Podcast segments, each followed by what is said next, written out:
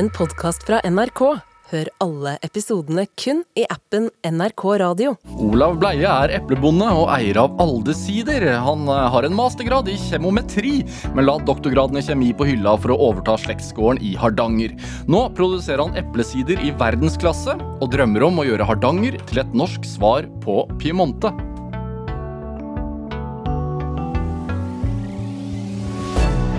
Dette er Drivkraft med Vegard Larsen i NRK P2.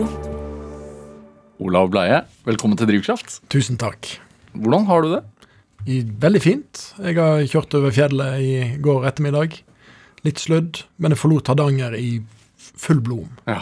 Da stender alle epletrærne i hvit prakt, og løvetannen er helt utsprungen, og det er gult og hvitt overalt der du ser. Hæ. Mai, altså Hardanger i mai, det er flott.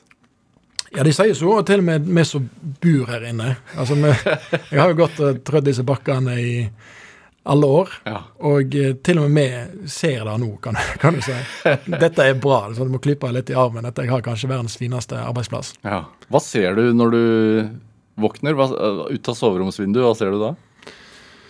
Da ser jeg, eh, akkurat når jeg eh, kikker ut, så ser jeg fjorden rett under meg. Og så ser jeg eh, østsida.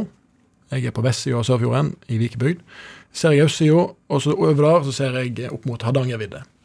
Og så ser jeg, tenker jeg, der er det Kan du gå opp, og så kan du gå i dagevis i hva som helst retning, og så er det bare natur og fjell og vidde. Er det fremdeles snø på toppene? Ja, det er det. Ja.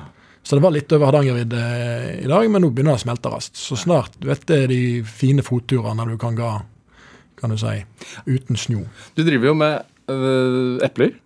Driver med epler. Uh, mer frukt. Jeg har litt øh, plommer, og så hadde jeg en god del moreller. Men det siste feltet, nå er det et lite felt igjen. Ja. Far min sa at vi holder litt på morellene. Han har drevet med moreller i mange år. Ja. Så nå har jeg et, så jeg et lite mål igjen med moreller. da. Det er jo altfor lite til å egentlig ha en sånn fornuftig økonom, økonomi, da. Men det er litt nostalgi med det vesle morellfeltet. Er det øh, sånn som årshjulet deres er det, Har været allerede nå i mai noe å si for øh, avlingen som kommer? Ja, dette er egentlig den definerende uh, tida på året. Ja. For det er nå Selvfølgelig Året før er også selvfølgelig viktig for å finne ut hvordan avlingen vet det. For der er det stor avlinger et år, så kan det vette litt mindre knopper. Og disse knoppene som åpner seg, og så vetter de enten til et blad eller til en blom. ja. Og eh, når vi klipper allerede om vinteren, så ser vi etter disse, det som heter blomeknopper. Vi har lyst til at det skal være nok blomeknopper, sånn at når mai kommer, så kommer det faktisk en blom. Så det, det fantastiske praktdressen som jeg eh, forlot Hardanger eh, i, i går, ja. Det ønsker vi at skal være der. Men så kommer mai, og da er vi avhengig av dette været som vi har hatt den forrige uka. Ja. Med blenkende sol, gode temperaturer, humler som suser og virrer rundt oss, og bier, så gjør den jobben. Ha. Hvis det bare sludder i mai, hva skjer da? Ja, da det, kan det vette, være at det blir litt mindre frukt. da. Ja. Smaker man forskjell? Altså, så tidlig så tror jeg eh, du ikke har noen, noen effekt, det er bare kanskje mengden. Ja. Men eh, jeg, jeg tenker at hvis det er mindre eple, så, så vrir vi det til noe positivt. Jeg tenker at jeg, den, jeg har ikke lyst til å være den bonden som klager over at det er for mye eller for lite eple. eller Vi, vi får spinne det på en positiv måte. Ja. Er det, er det lite eple et år, så vet jeg det kanskje mindre sider, men nå vet jeg mer eksklusivt. Eh, Bleiegård, hvor, hvor mange mål har dere? Eh, ja, så det er ca. 50 mål, kanskje? 40-50 mål. Ja. Ja. Er det som eh, epleprodusent, er det stort eller lite? I Hardanger så er det litt, litt større enn eh, normalen, kan du si. Ja. Men eh, ja, jeg tror det snittet i Hardanger ligger på en rundt 30 dekar innmark. Og så har det vært blanding mellom si, plommer og eple og litt moreller. ja. Hvorfor er det så gunstige forhold for epler?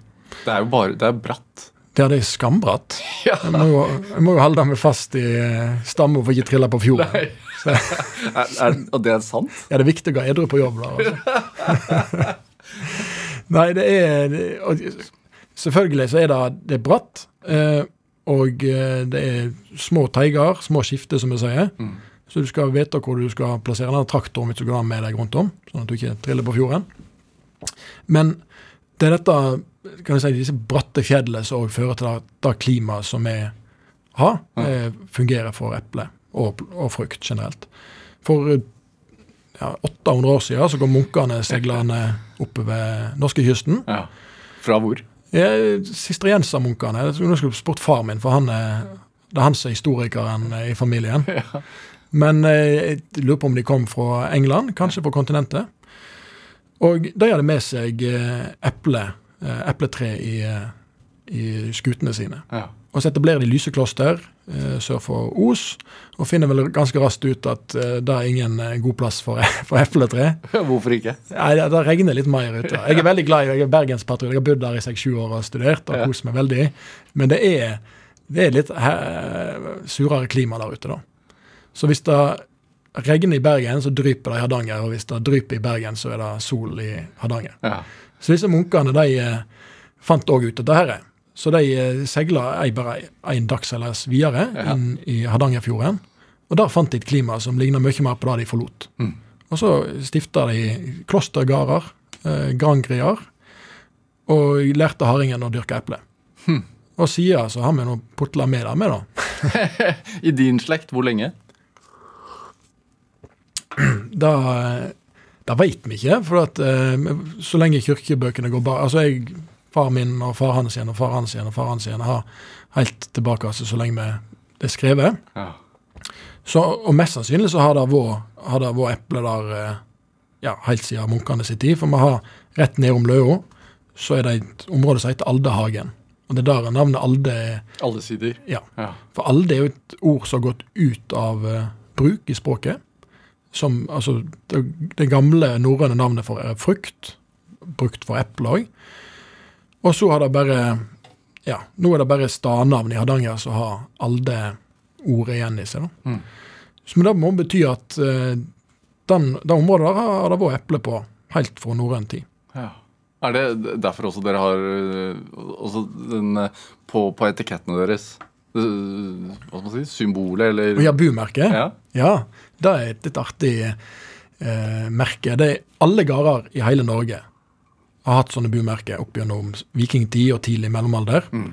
Og på et eller annet tidspunkt så ble jo Norge kristne, og det er veldig mange av disse her bumerkene har jo et eller annet kors i seg òg, da.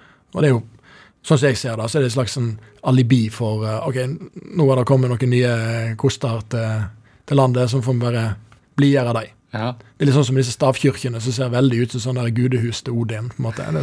Sett inn i sakristi, så er du i gang. på en måte. Og, men så vi tok med oss den der runesymbolikken inn i tidlig mellomalder, og så brukte vi det som gardssymbol. Mm.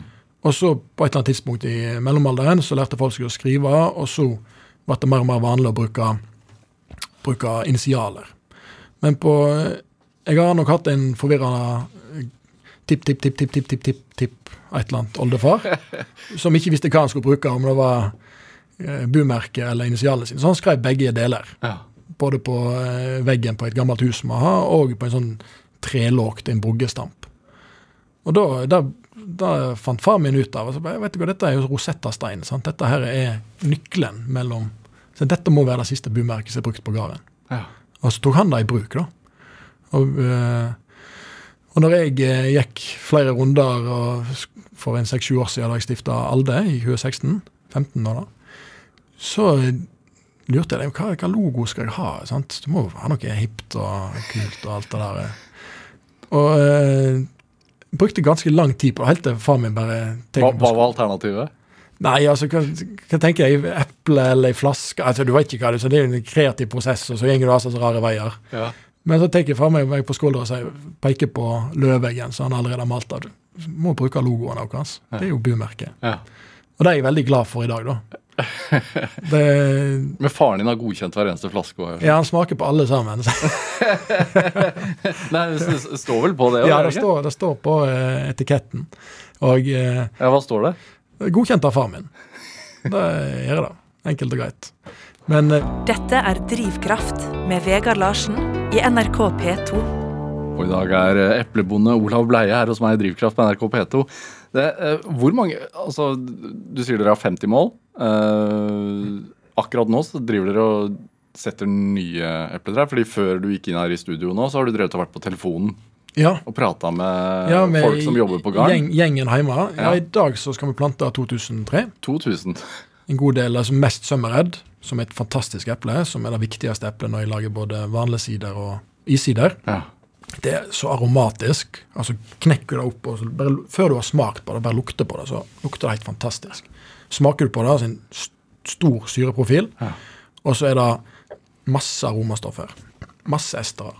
Ja, hva, hva, vil du si altså, Unnskyld, men hva vil du si at det er en stor syreprofil? Altså? Ja, altså Syra er ganske høy. Ja. Eh, og da er vi jo de er heldige å ha i nesten alle epler i Hardanger. Ja. Så vi lager sidere som vi kan, kan kalle syredrevne. Det er ikke så mye bitterstoff eller tannin, eh, tanniner i. Men vi har masse syre, og det fører til at vi får en veldig frisk og eh, altså en krisp side. Ja, hvor, hvilke epler har dere? Vi har Sømmered, som jeg planter i dag og har allerede masse av. Og så har vi Gravenstein, som er et fantastisk eple. Som de fleste kjenner? Ja, den kjenner vi. Vi feirte jo var det 200- eller 300-årsjubileet. Nå får noen sikkert arrestere meg hvis jeg sier dette på radio. Men år, den har vært i eh, fjorden veldig lenge. Kom fra Tyskland, og et stort og kjøttfullt eple som først var gult, og nå var det rødt. De fant inn en klon som eh, hadde litt mer farge på skallet. Og var en av de viktigste en eh, sortene i Hardanger. da. Ja. En av mine oldefedre ble kalt Gravensteinskongen på et eller annet tidspunkt. så de har, de har hatt mange av dem. Ja. Men eh, også har vi Aroma, som er en uh, viktig sort, uh, og veldig god i sider. Og ikke minst Discovery, ja. som gir en, en sider med, med sånn markjordbæraktige, fantastiske noter på nesa. Og som faktisk har litt av disse bitterstoffene, disse tanninstoffene. Når du smaker på vin, så kjenner du av og til at tunga henger litt i ganen. Mm. Og det er altså garvestoffen, eller sånn tanninene. Ja. Og eplesortene er Det er jo 4000 stykker av dem. Altså det er veldig mange eplesorter i verden. Ha. Altså, nå, nå, kaster jeg ut tallet, altså det kommer sikkert noen sinte telefoner til men det er mange. Cirka, cirka ja, det er mange tusen sorter av epler. ja. Og eh, de er veldig forskjellige. Og noen har mer bitterstoff, noen har mer syre, noen har mer sukker, og noen har smaker i alle retninger. kan man si. Så, så den ja, kom, komposisjonen av hvordan vi lager sidrene, den eh, avhenger jo veldig av hva eplesorter vi, vi bruker. Ja. Kan man lage sider altså utelukkende på ett eple, eller er det alltid en blanding? Eh, når jeg eh, gjør Altså når jeg setter gjæring til eller får i gang gjæringen, så har jeg rene sorter i tankene. Da, hvis du, nå skal du se for deg at du står nede i sider uh, gjæringsrommet mitt. Ja, hvor svært er det? Det er ikke så hakkende svært. Det er, det er i kjelleren på den løa ja. som uh, stender på uh, Det er sikkert 200 kvadratmeter grunnflate. Ja. ikke sant? Og da står det i røys med tanker, sånn kanskje 20 stykk. Og de minste er rundt 1500 liter, og de største er 16 000 liter. Og det er jo svære. Du kan jo parkere en bil inni dem. Ja. Men det står en sånn rustfritt stål rundt deg, så det er som en katedral av rustfritt stål rundt deg. Ja. Og når alt dette har, sånn at jeg har fylt opp uh, alle disse tankene med herlig eplemost, og, og, bare fått Jæren til å begynne å jobbe, så begynner det å boble disse gjærlåsene. Du har kanskje lagt øl og, eller lagt noe vin en gang, og da sånn, du setter en sånn gjærlås på toppen, og gjæren den Kanskje jeg skal forklare prosessen òg. Altså, vi begynner med eplemost. Ja. Og, og, og, da, nå begynner vi helt i feil ende. Vi begynner faktisk med eple. Eller, vi, vi, begynner faktisk før det. Vi begynner med treet ja. som heter planta i som dag. Som du planter i dag. Ja, ja. Sant? Og det er det som nå vet jeg digresjon på digresjoner. Hvor skal vi komme tilbake til dette? her? Men vi begynner faktisk med treet. Ja. Og det er det som er litt unikt med det, det vi driver med. er at Vi, vi driver gardsbruk. Vi driver med, er fruktdyrkere. Og så tar vi egentlig prosessen helt ifra vi planter treet, plukker eple etter noen år. Hver september-oktober så plukker vi disse eplene. Får de i pressa, knuser de til en masse. Mm. Kjører de gjennom i, i, i eh, pressa som klemmer denne massen helt flat, sånn at alt det der fantastiske fruktjusen får lov å renne av. Og så tar jeg den og fyller på disse store tankene mine. Og så begynner dette å gjøre. Hvor likt er dette her vinproduksjon? Eh, relativt likt. Ja. Jeg henter veldig masse inspirasjon fra vinverden. da jeg starta opp. Mm. Jeg ville lage en litt mer vinøs uh, sider. Jeg, jeg syns at Vinøs. Ja, altså, eller er mange måter for å, å lage dette på. Jeg tror det er like mange måter å lage sider og vin på som det er vinlagere og siderlagere i, i verden. Ja. Men jeg var veldig opptatt av, eh, av nesa, av, eh, av duften av sideren. Mm. Uh, Og vinen, når jeg smaker på vin òg. Så, så for meg så var det en veldig viktig, eh, viktig bete. Så jeg prøvde å optimalisere på det. Hvordan kan jeg ta den fantastiske lukten som er i eplet, og gjerne gjøre noe med den, og få den inn på flaska. Og det ble en veldig spennende reise. Og uh, med rett gjærsort og rett gjæring, rett eplesorter, så plutselig så lukter dette her kanskje melon, kanskje pære. Det er jo ikke det eneste Det er ikke noe pære eller melon oppi dette greiene her, det er jo bare eple. Ja. Men den magiske prosessen med at disse små gjærcellene, det er jo små på en måte en- encella organismer, Ja. som de, Det første de gjør, er når de måtte befinne seg i en midt oppi matfatet, da, for da er de sant, oppi en 1000 liters tank eller en 10 000 liters tank. Mm. Så bare ser de rundt seg, eller det er en sånn flageller, så små armer, så flakser litt. Og så Hvis jeg ikke kjenner noen naboer, så finner jeg ut ok, nå må vi formere oss. Så hver tredje time så vet ei celle til to, og så neste, etter tre timer så er det til fire, og så går du eksponentielt oppover. Ja. Helt til du har fylt hele tanken. da. Og da kjenner du plutselig det er en sånn flagell ute der, og så bare, ah, jeg kjenner naboen. Ok, da, Men mange nok. Man det- Da er det snakk- snakk om mange milliarder av dem. Ja, så det er jern som gjør at altså, hvis man lukter på en hvitvin, og så er det ja, stikkelsbær eller uh, Ja, for det er jo ikke noe stikkelsbær oppi der. sant? Altså, Druer har jo lukta noe, den òg, eller druemosten. Ja. sant? Men, men da er, den lukter kanskje ikke stikkelsbær. sant? Og så kommer gjæren eh, vet du, den er introdusert, og så driver den på. og det, Hovedoppgaven til gjæren den er jo eter ete dette tilgjengelige sukkeret, sukkeret, altså fruktosen som er i, i eplet. Eter det, og så kommer det ut CO2 og alkohol i andre enden. Den er jo putle på. Men er det forskjellig lukt på, på, på, på produksjonen din fra ett år til et annet? Ja, absolutt. Da vi, det der Hold den tanken der, skal vi komme tilbake til spørsmålet. Nå har vi kommet mange digresjoner ut der. Ja. Prøver stakkars lyttere. Ja, Nå gjæres det som Ja, det. rakkeren oppi tanken Sant? Og disse, disse her eh, disse her gjæresoppene Ja. Som driver på med den hovedgeskjeften sin, de, de bøyer nok og knekker litt på disse andre molekylene som er oppi der òg.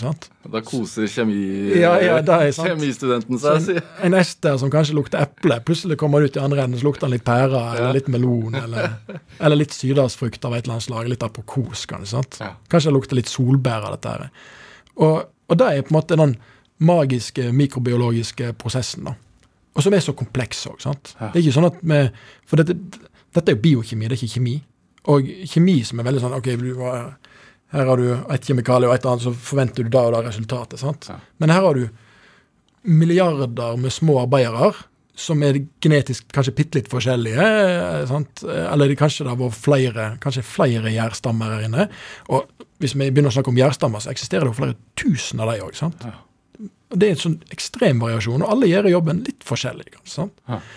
Og resultatet av den biokjemiske prosessen er en sånn, en sånn bredde, en fylde av eh, Og en kompleksitet, kan du si Ja. som gjør at dette her er, er noe jeg kunne drevet med livet ut, og så stadig vært overraska av nye ting, av nye gjærsorter, nye kombinasjoner. Det er veldig givende. Mm.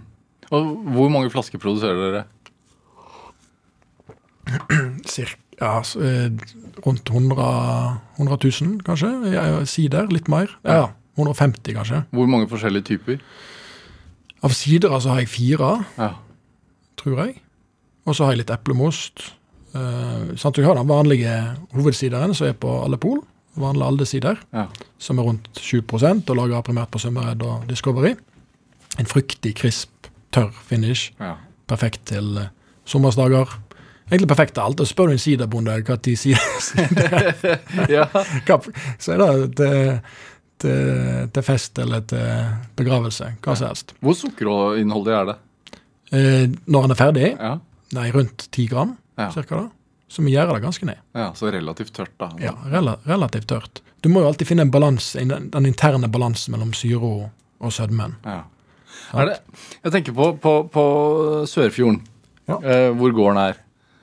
Eh, dere har 50, 50 mål. Hvor, hvor mange andre produsenter er det rundt deg? Bare altså siderprodusenter eller fruktprodusenter? Ja, sideprodusenter. Ja, det, det er jo, Vi har blitt en fantastisk gjeng. Vi har blitt 25. Sist jeg sjekka, nå er det sikkert flere. Mens jeg kjørte over vidda, så er det sikkert kommet flere. Det er jo, og dette har skjedd på veldig kort tid. Og bare i den vetla bygda mi, Vikebygd, Ja, hvor, Eller- mange, hvor mange bor der? poster det som nå, er et par hundre stykk. Ja. Og nå er vi blitt eh, seks-sju sideprodusenter og en fine, fine dining-restaurant. Når, når er det starta at man Altså at det begynte Altså, å eskalere? kn- Knekkpunktet er vel rundt da, da jeg fyrte i gang. Ja. Det var i 2015 så, så begynte jeg, og så begynte Edel, altså Åkre gård, rett på sida av meg. Så vi starta med et veldig samarbeid. sant? Jeg, jeg lærte han litt om sider, og han lærte meg masse om sider. Gjermund Åkre. Og så plutselig så Vi fant ut at begge to Men nå har vi en kjempegod side. Nå får vi bare fyre på og prøve å selge dette. Og eh, få det ut av kjedlerne. Ja. Og resultatet var jo at vi solgte oss jo tom på 1, 2, 3. sant? Og så var det å prøve å doble opp, triple produksjonen, selv om vi tilbød at neste år solgte oss tom igjen. Og så var det at eh, bare kjøre på, da. Ja. Samtidig som vi fant ut dette her, jeg må bare Her får vi bare invitere inn eh, de andre og kjøre i gang òg. De andre Ja, de andre rundt? rundt. Ja. For at, eh, jeg tror at altså, suksessen til Hardanger er ikke bare for at én har fått suksess, det er for at veldig mange har fått, fått suksess. Ja. Og det er det vet jeg, kjekkere for oss som driver, for da får vi gode kollegaer. Og vi er ikke bitre konkurrenter hele. Vi er en fantastisk sammensveisa god gjeng som lærer veldig masse av hverandre, som deler på utstyr og know-how, og ikke minst framsnakker produktene våre. Det er bra for meg hvis naboen eh, lager god side. Det, det er bra for meg hvis naboen vinner en konkurranse, Mm. for det hever hele segmentet. Du har jo vokst opp i den bygda. Hvordan har du merka altså, ha, Har det vært en endring i, i liksom, stemningen blant folk flest også? Ja, det, det tror jeg absolutt. Ja. Det er Man kan jo nå ta sidercruise, har jeg lest. Ja, sant. Det siste jeg så når jeg eh, kjørte over, forlot Sørfjorden, var siderbåten som la til kai på Lofthus. Og, og der eh, Nå har den vært i tre år, Ja. og den nå forbinder han egentlig hele både Sørfjorden med Eifjord og Ulvik òg. Så han har ruter hver dag gjennom hele sesongen. Han går fra Odda. Gjenger fra, så Nå skal ikke jeg si seilingsruta og tidspunktene, for det kan jeg ikke. Men han, er, han starter iallfall i Odda ja. eller Eifjord, eh, en av de. Og så er han innom eh, Nau hos meg, eh, og de andre på Nau. Og så er han innom på Lofthus, og så er han innom eh, i Ulvik og Eifjord. Hvem, hvem er det som tar den båten? Det er sånn som eksempel du. Etter at du har Etter at jeg har snakka meg ferdig her Ja. nå, så tenker du og går inn på og bestille deg en tur. Ja. Nei, fordi altså jeg, jeg er vininteressert. Jeg har vært på f.eks. Uh, uh, vinsmaking i, i California Ja. eh, med en kompis. Eh, Napa og rundt der. Ja. Eh, men jeg kunne egentlig reist til Hardanger. Du kunne fint reist Jeg hadde ikke fått rødvin, men uh... Nei, men det er så ufattelig masse annet godt å smake på. Ja. Tenk på det der at druer er jo veldig glad i uh, vin, jeg òg. og er fantastisk reise og lære om, om vin. Ja. Og det tror jeg er viktig for en god sideprodusent òg. Jeg vet hva andre ting som er der. Men druer er én ett landbruksprodukt, kan du si. Og så er det så masse andre spennende ting. Og, og eple tror jeg har et enormt potensial. Jeg snakket om alle disse tusenvis av sortene. Jeg tror ikke den beste sideren er laga i korkje i Hardanger eller i verden enda. Men vi kommer der med stadig der, mer spennende produkter. Eh, jeg snakket jo om at vi er disse 25 produsentene nå. sant? Og det er kreative eh, gründere som springer rundt i sitt eget på en måte, smakslandskap og finner sine egne små topper å sitte på. da. Mm. Så Joar har lagd en humlepung, Gjermund har lagd eh, eh, altså sekundærfermentert sider. Og på Kvester så har de blanda morelli. Eh, på Store nå så har de brukt kveik, som er gammelt eh, gammel ølgjær Mm. fra området. Og så lager de sider som vinner konkurranser i, altså i verdensmesterskap. De lager sider som, som eh, vet er brukt i Michelin-stjernerestauranter over hele Norge nå. Mm. Noen av dine?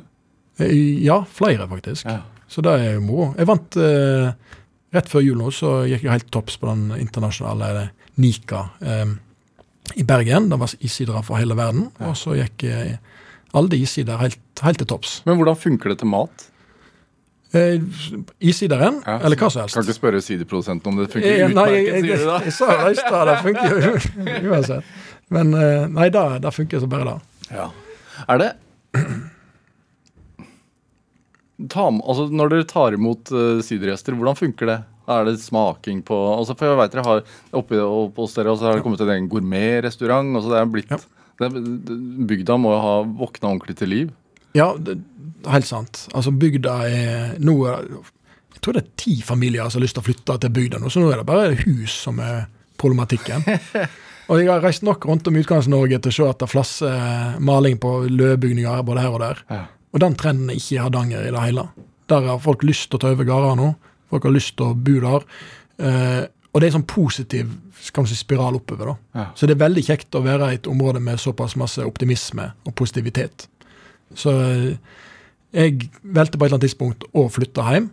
Og, og så nå føler jeg at jeg, jeg, jeg bor i en plass der, der det skjer så masse ufattelig spennende. Ja. Det er ikke en eneste kjedelig dag i, i livet mitt. Det at eh, altså gården har vært i familien gjennom generasjoner, hva, hva, hva betyr det?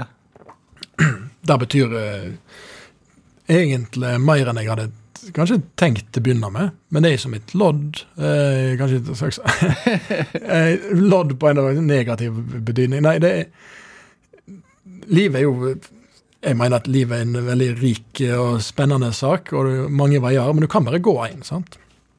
Men da, da jeg eh, fikk spørsmål om jeg ville overta gården, og søsteren min hun hadde sagt fra seg odelen Ja, stor, Storesøsteren? Ja. ja, tre år eldre og eh, ville øh, gjøre andre ting. Så jeg eh, fikk spørsmål, og det var bare oss to, så da sa jeg nå ja. Jeg, da. jeg har nå vært med veldig mye på i øh, kan du si, ja, gassdrift ellers òg. Mm. Og det var noe jeg likte, men så likte jeg også masse andre ting. sant? Det var jo kjekt å lære ting. Så jeg tok over. Jeg har litt eller, gamle foreldre, så far min kunne pensjonere seg. Mm. Iallfall på papiret.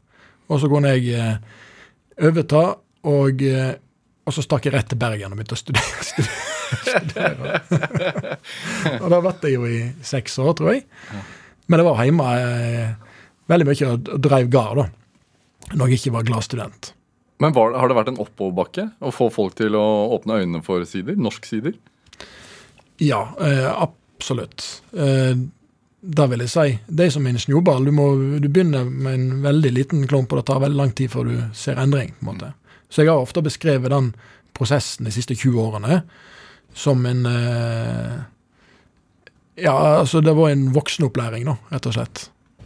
Der vi ja, Har du spurt eh, en nordmann for si ti år siden Mm. hva, hva sider var for noe, så hadde han mest sannsynlig svart at det var en sånn, noe som kom på boks fra Sverige, og fullt av vann og E-stoff og noe alkohol og noe essens. Ja. Og, og der, vi, skal, vi skal på en måte få folk vekk fra den forståelsen, og så skal vi få dem til å forstå at dette er et genuint fantastisk landbruksprodukt Mm. av 100 eh, frukt. Eh, som har en, eh, et håndverk i seg, som har en historie, som har en kultur, Mm. og så har en smaksopplevelse som er rik, som endrer seg fra år til år pga. Ja, naturen. Mm. Jeg vil at du skal smake f.eks. for fjoråret, 2022. Ja.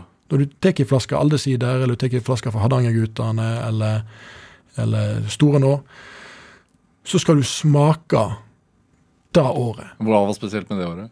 Eh, Det var eh, litt, eh, litt mindre frukt. Det var litt kaldt om eh, våren, litt kaldt om sommeren. Men, men så ga det en fantastisk fin syreprofil. Det ga eh, det mikroklima som vi snakker om. Ja.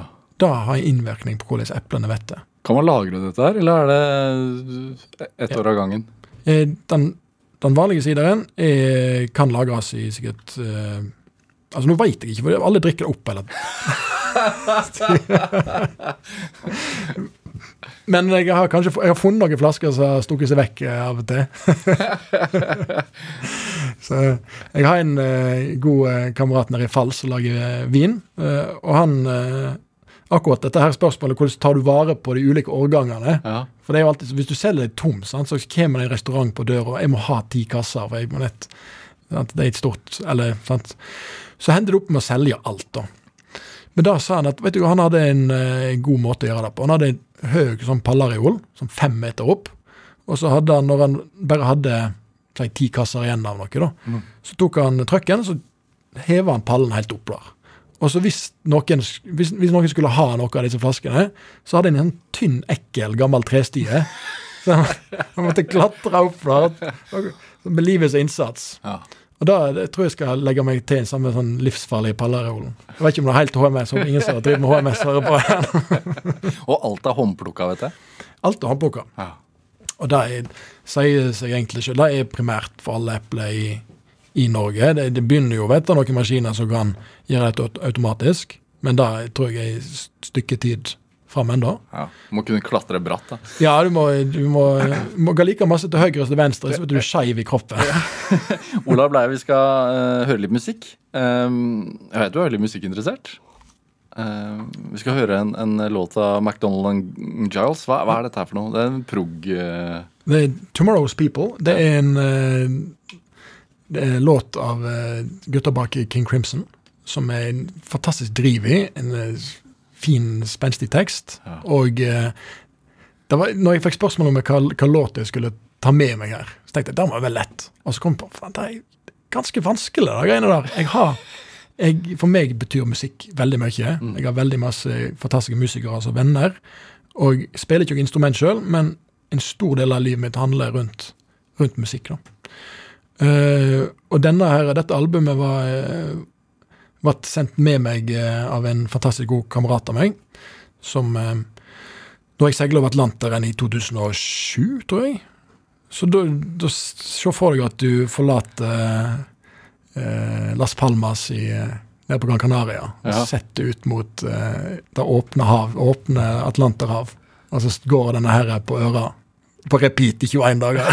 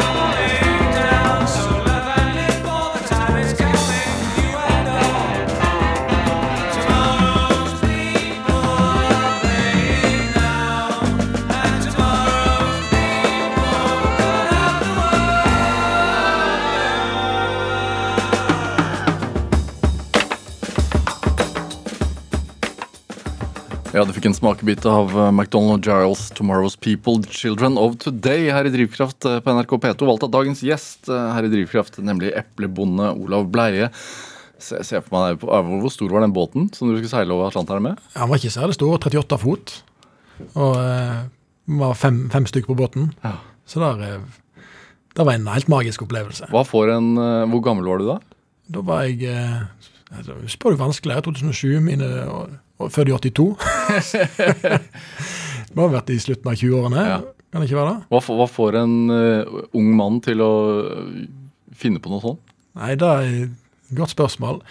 Jeg og en uh, belg... Jeg tror det var sånn. Jeg og en belgisk kompis uh, Han inviterte meg opp til Stad. Han drev og surfa litt.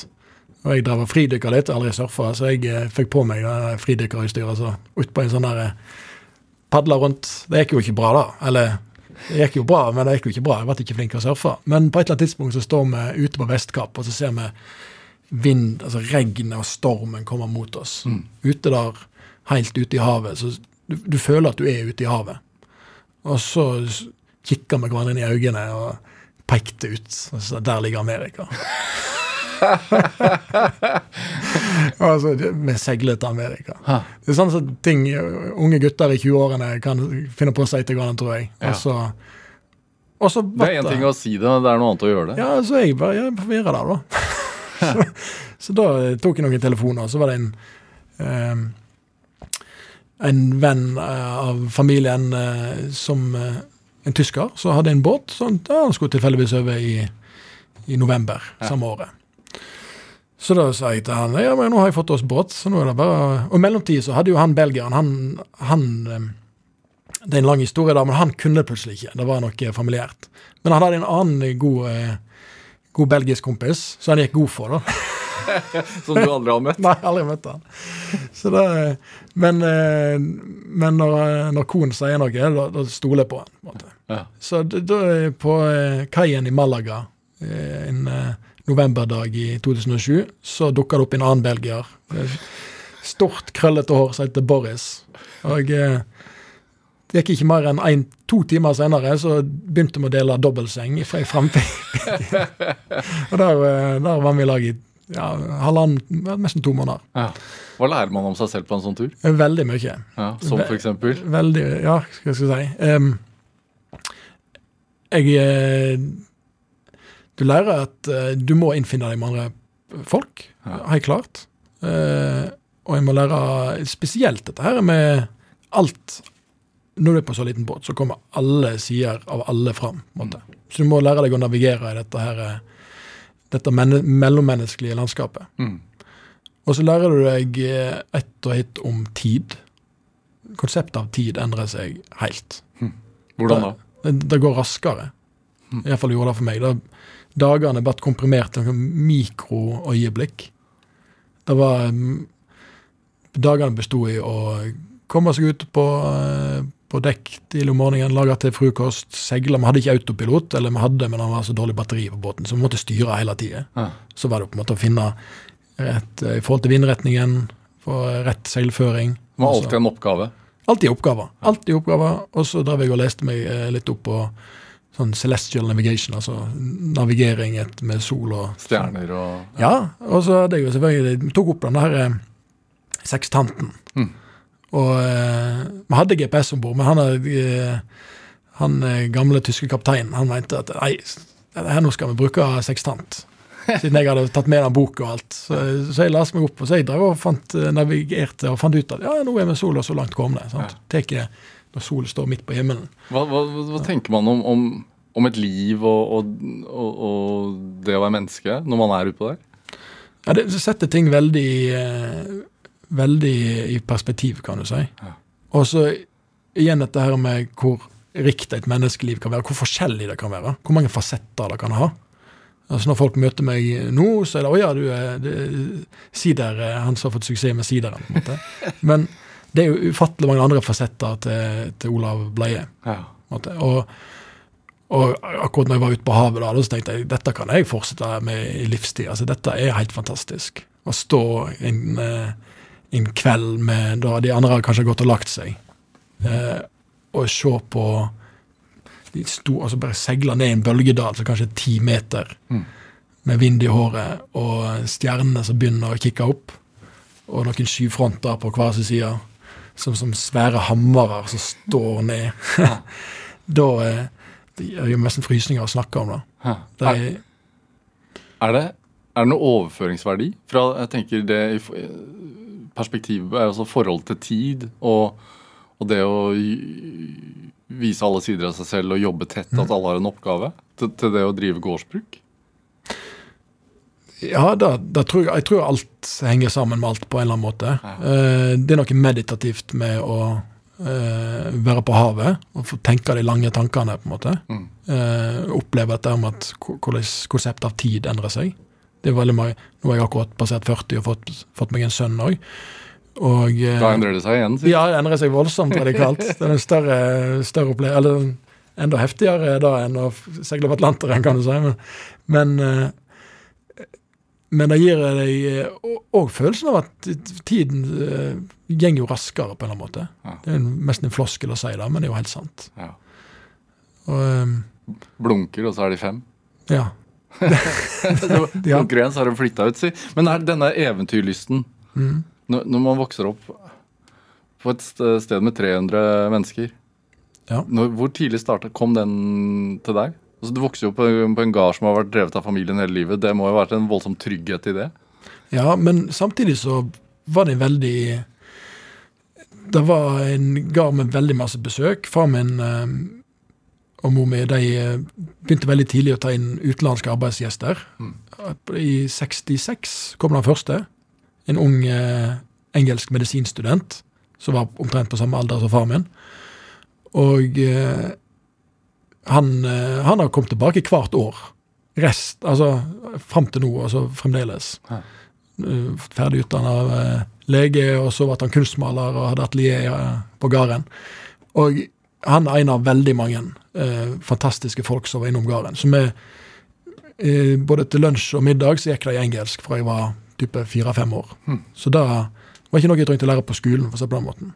Og interessante prater, alt fra filosofi til verdenspolitikk. Um, så da åpna øynene mine for hva som skjer uten, utenfor bleie. da. Mm. Og eh, så den eh, Ja, kombinert med den bagasjen som eh, Eller den, den visdommen som mine foreldre har gitt meg. Veldig glad i de to. Fantastiske folk. Um, så, så har det nok kanskje gitt noen frø til hva, hva jeg gjorde på seinere. Mm. Så allerede da jeg var 19, var det vel kanskje, da var jeg og nabogutten med Ingebjørn Bleidvin. med vi snurra på globusen og så tenkte vi nå får vi reise til en eller annen merkelig plass. Sant? Jeg var akkurat ferdig på videregående, og han kom litt lenger, men hadde tid. Så nå, nå tar vi oss et halvår en eller annen plass. Så fant vi ut at Sentral-Asia er en plass som ingen har Ingen har hørt noe som helst om. Så det er den svarteste flekken på kartet. Ja. Så da, eh, da fløy vi ned til eh, Alma-Ata. 11.9.2001, vel å merke. Litt spesiell dato å fly ut av Europa på. Mm. Men eh, det var òg et, et, et spennende samfunn å komme ned i. Mm. Og litt tilbake til, eh, til eplet, da. Da vet jeg gående rundt om det, Himalaya gjør en sving. Eh, helt eh, der i, altså, i Stan-områdene. Ja. Og i sør i Kasakhstan så ligger Alma-Ata på ei sånn skrånende slette opp, mot noen- opp mot noen majestetiske fjell. Mm. Og denne her eh, kjente Silkeveien går jo på en måte rett gjennom disse områdene ned til Kirgistan og så over til eh, Kashgar i, i Xinjiang. Mm. Og, og her plutselig befinner jeg meg i ville skoger av epletre. Det det er jo epletre overalt. Og du har vokst opp blant epletrær? Ja, sånn, så jeg kjenner jo igjen altså, Så det er jo små kurler, disse her. Men i alle dager? etter så begynner jo, Vi har jo ikke gjort så veldig mye research, vi har jo bare kjøpt en film. og da begynner jeg å spørre og lure, da, så sier jeg det er villeeple, sier de lokale. Hæ, Hva smakte det? Ja, det smakte godt. Litt syrlig og sånn. Men, men da viser jeg at jeg finner ut at alma-ata betyr eplets vugge. Alma-ata. Eller eplets far, eller Så det viser seg at dette her er jo arnestedet for eple i verden. Dette området i eh, sør i Kasakhstan, eller egentlig denne beten av Himalaya. Wow. Og, og så lærer jeg jo mer om denne historien etter hvert. Jeg forstår at dette her er Siden dette er på silke, Silkeveiruta, så har jo dette blitt frakta både øst og vest i flere tusen år. Mm. Kineserne har på et eller annet tidspunkt fått med seg noe tre, da, og så har de lært seg denne podekunsten. Denne helt fantastiske måten med å kombinere, altså klippe av greiner av tre du liker, på en måte. Og så kobler det mest som en sånn Frankenstein-måte sammen. sant? Og så får det til å vokse igjen. altså Helt fantastisk. Altså kloning. Ja. Egentlig kloneteknologi for 1000 år siden. Og så pga. Silkeveien og handelsrutene så kommer dette til Europa òg. Og så bare noen få hundre år senere så er det formelig i Hardangerfjorden. sant? Det er jo helt, helt fantastisk historie. Men det var litt tøft å komme til, til eplets vugge, da. Ja. Hva, når var det det sidesporet med kjemi kom inn i, i, i livet ditt? da? Ja, så det var jo litt sånn tilfeldig. kjemometri, Ja, som, som det heter. ja. Eh, Forklare det til lekmann, så vet du det er helt ør. Men nei, det var litt sånn tilfeldig. da. Jeg begynte jo på realfag. Det var før det sånn, det sånn studieløp hadde, hadde begynt. Og jeg Så jeg hadde jo overtatt denne gården. Var jo sånn, det er jo noe jeg skal drive med, men jeg får nå ha kose meg litt først. Jeg syns det er jo kjekt å ja, Denne universitetstida er jo helt fantastisk moro. Men satt det langt inne å si ja til å ta over gården? Jeg gjorde egentlig ikke det. Jeg har en sånn merkelig evne til å til å um, tenke at ja, det får vi sikkert til. Og så setter du det litt på ei hylle i hodet, og så nå skal jeg nå gjøre masse annet greier først. da. Ja. Far min var nå supersprek selv om hun var 67, så han fikk nå bare plentrive gården litt til. Så får jeg ut og uh, vandreløste meg litt og gjøre på ting. Men på universitetet så var jeg jo på en måte, var før egentlig det var sånn fast forløp, så du kunne så velge fag litt sånn som i snopehylla. Så etter at denne fadderveka var ferdig, og sant, og så var det bare ja, ja, hva, hva spennende ting er det å smake på i år? Og så velte jeg litt herifra, så det ble litt, uh, litt fysikk, det ble litt uh, prosessteknologi, det ble en god del matematikk, Ja. det ble en, en del kjemi, og så, så bare gikk jeg litt sånn- Og informatikk, ikke minst. Og så når det nærmer seg to, to år, da, så, så ja, jeg har et litt, litt mer eh, poeng i kjemi enn de andre. Så da, ja, ja, da, hvis jeg tar de da, fagene, så vet jeg din Ja. bachelor i kjemi. så, så det er merkelig når du ser på eh, Hindsight is 2020, jeg sier det på engelsk. altså Du har godt eh, syn bakover, kan du si. Mm. Eh, men, men akkurat oppi der og da, så var det sikkert litt tilfeldigheter. Hvorfor, hvorf- hvorfor jeg endte opp med mest kjemi, Ja. og så vatt det videre på en mastergrad. Ja, og så skulle du starte på en doktorgrad òg, i, i, i, Ja, da, da- borte USA? I- Ja, og dette er jo dette geometrigreiene, som er en blanding, siden jeg hadde masse matematikk, og alltid syntes det var fantastisk moro. Ja. Dette her med hvor vakkert matematikk kan være, og så kombinerer du det inn med, med noe så spennende som, eh, som faktisk forstår noe om, om naturen rundt oss, om prosessene rundt oss, altså som kjemien er. Og dette ordet geometri det kom av eh, rett og slett på for en type på 80-tallet så, så kommer det en del analyse, analyseinstrumenter i kjemien eh, kommer som gir deg forferdelig masse variabler, sånn spektrale eh, variabler ut, og du måler på ting, kanskje med ljos. Og så får du et sånt svar tilbake, men det er ikke bare, det er ikke bare én ting du måler på. Det er, sånn, det er ikke sånn at du måler temperaturen, og så får du ett tall å forholde deg til. Du får måle, sender ljos inn, og så får du et spektrum tilbake, så får du kanskje 1000 variabler. Og Da måtte de plutselig koble inn matematikerne for å finne ut hvordan skal vi behandle dette på en god måte. Hvordan skal vi finne ut essensen i dette her? Men- Da- Men, men det å da starte på en doktorgrad, eh, for det det var i Seattle? Eller? Og, og, Ja, det var Og det, og det, det å da, fordi du fullførte jo ikke den? Nei, det var sant, men jeg begynte ikke på den rett etter mastergraden. og Da får jeg hjem og drev gard og Ja. Men- styrte på. Men hva var så- det som fikk deg til å tenke nei, dette avslutter jeg, nå bretter jeg opp ermet og reiser hjem, og så Ja, først får jeg fortelle, historien hvordan jeg begynte på det. For det var en, var en eh, høstdag, en regnfull høstdag. Jeg og far min var ute og grov i grøft. Jeg hadde gjørma over støvlekantene. Det er også en del av hverdagen. Og da ringte plutselig professoren min i Bergen, så hadde jeg også snakka med han professoren jeg hadde jobbet med borte i Seattle på mastergraden. Og jeg hadde på en måte av en eller annen grunn funnet opp navnet mitt igjen, da. Og mente jeg var en perfekt kandidat til å være med på et litt spennende samarbeidsprosjekt mellom Bergen og, og Seattle. Ja. University of Washington. Og da jeg ser ned på støvlene mine og ser ut på regnet, og, og får òg forvissningen om at jeg kan drive gården. Så dette her er en Jeg kan, jeg kan være hjemme på bleie om, om sommeren og høsten, og så når alt er kommet i hus, så kan jeg ta fly over til Statene. Ja. Så det var, det var veldig eh, altså, Ja, vet du hva, vi hiver oss rundt. Men jeg husker òg det var litt den samme sommerfuglfølelsen som når jeg hoppa på den båten. Ja. Var sånn, nå er jeg, nå er jeg Litt den, der, den følelsen du får når du kaster deg over bryggekanten når du vet at det er to grader i vannet. Sånn, Du må være litt gal akkurat det øyeblikket du hiver deg over kanten. Ja. Og så får du bare la det stå til, da. Sant? Men du kjenner litt på den kriblingen. Det da, så det forklarer litt svaret på det spørsmålet i stad. Men um, da ble det tre år, så jeg kom halvveis. Ja. Eh, Eller fire, ja, ja tre år, ja. Og eh, reiste, når Apple var kommet i hus, reiste over til Seattle og satt på en, eh, et utrolig spennende miljø der. Og jobba med det som et felt som egentlig ligner veldig masse på det som en i dag kaller maskinlæring, eller ja, big data. Ja. Bare at jobba mot instrumentering. da. Så masse matematikk, finne disse rette algoritmene for hvordan du ekstraherer den rette informasjonen. Jobber med utvikling av instrument. Jobber med spesifikke kanskje problemstillinger òg. Alt fra på medisiner til olje til maling til Ja. Og, og ikke minst det der å få lov å Plutselig så befinner du deg i totalt nytt miljø. Du forlater, du, du plukker det siste eplet, flyr over, og så plutselig er du i en studioleilighet med deg sjøl og en, eh, en sykkel. Ja. Og Amerika får dine føtter. på en måte. Det er en, det er en herlig følelse.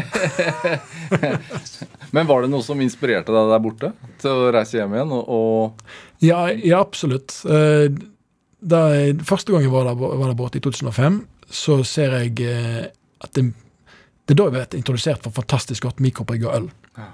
Og da, da har jo vi laget, altså Jeg lærte jo, samtidig som far min lærte meg å lage sider, så, så lærte jeg meg òg å lage øl. Og da er jo laga øl helt fra jeg var altså, det er, det er ubrutte bryggetradisjoner i Hardanger Ja. og Voss. Og så en gudsforlatt dal til i Norge som har brygga øl helt siden vikingtida. altså mikrobryggøl, altså småskala Ja, ja, ekte heimabruk, som er koddenøl, som jeg kalte det. Ja. Og dette lærte jo jeg òg. En fantastisk spennende eh, prosess. Med, vi la koddene til bløyting i elver.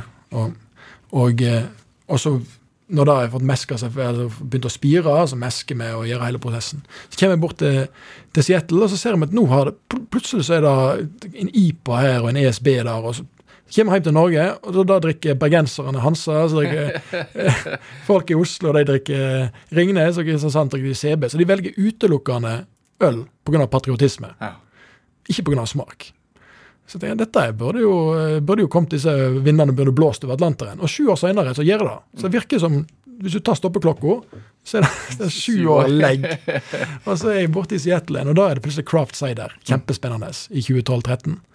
Så tenkte jeg nå, nå kan jeg jo sikkert være med på dette her, denne reisa, da. Mm. Da er det Craft Cider, som er veldig hipp og spennende, men han smaker jo litt kjedeligere enn den sideren jeg har laga sjøl. Han er eh, rett og slett Og det forstår jeg jo, for jo, de bruker jo Golden Delicious, litt sånn kjedelig eple. Mens jeg har snakket om hvor, hvor fantastiske disse eplene vi har i Hardanger er. sant? De Ja. bobler jo over av syre og smak. Og innser jo at den, denne sideren jeg lager, den er jo Den her kan fint konkurrere. Ja. Så tenker jeg at du sitter med den eneste flaska Chardonnay i universet. Du har, du har prøvd ut Du har prøvd ut noen druer og en eller annen deg, og så bare bom, så smaker du ei flaske Chardonnay. Jeg er veldig glad i Chardonnay, så jeg tar det som eksempel. Og det var litt følelsen jeg hadde i 2014-15, når, jeg- når vi hadde jeg og han Gjermund hadde, hadde jobba oss fram til en fantastisk sider Ja. for oss. Og vet du hva? Nå prøver vi. Og så bare braker løs. Hva sa far din, da? Nei, han har heia det fram hele veien. Han syntes det var kjempetøft. Og eh, fremdeles i dag så spør jeg jo han til råds. Så nå eh, bruker han mest tid på blomstene i tun, kan du si.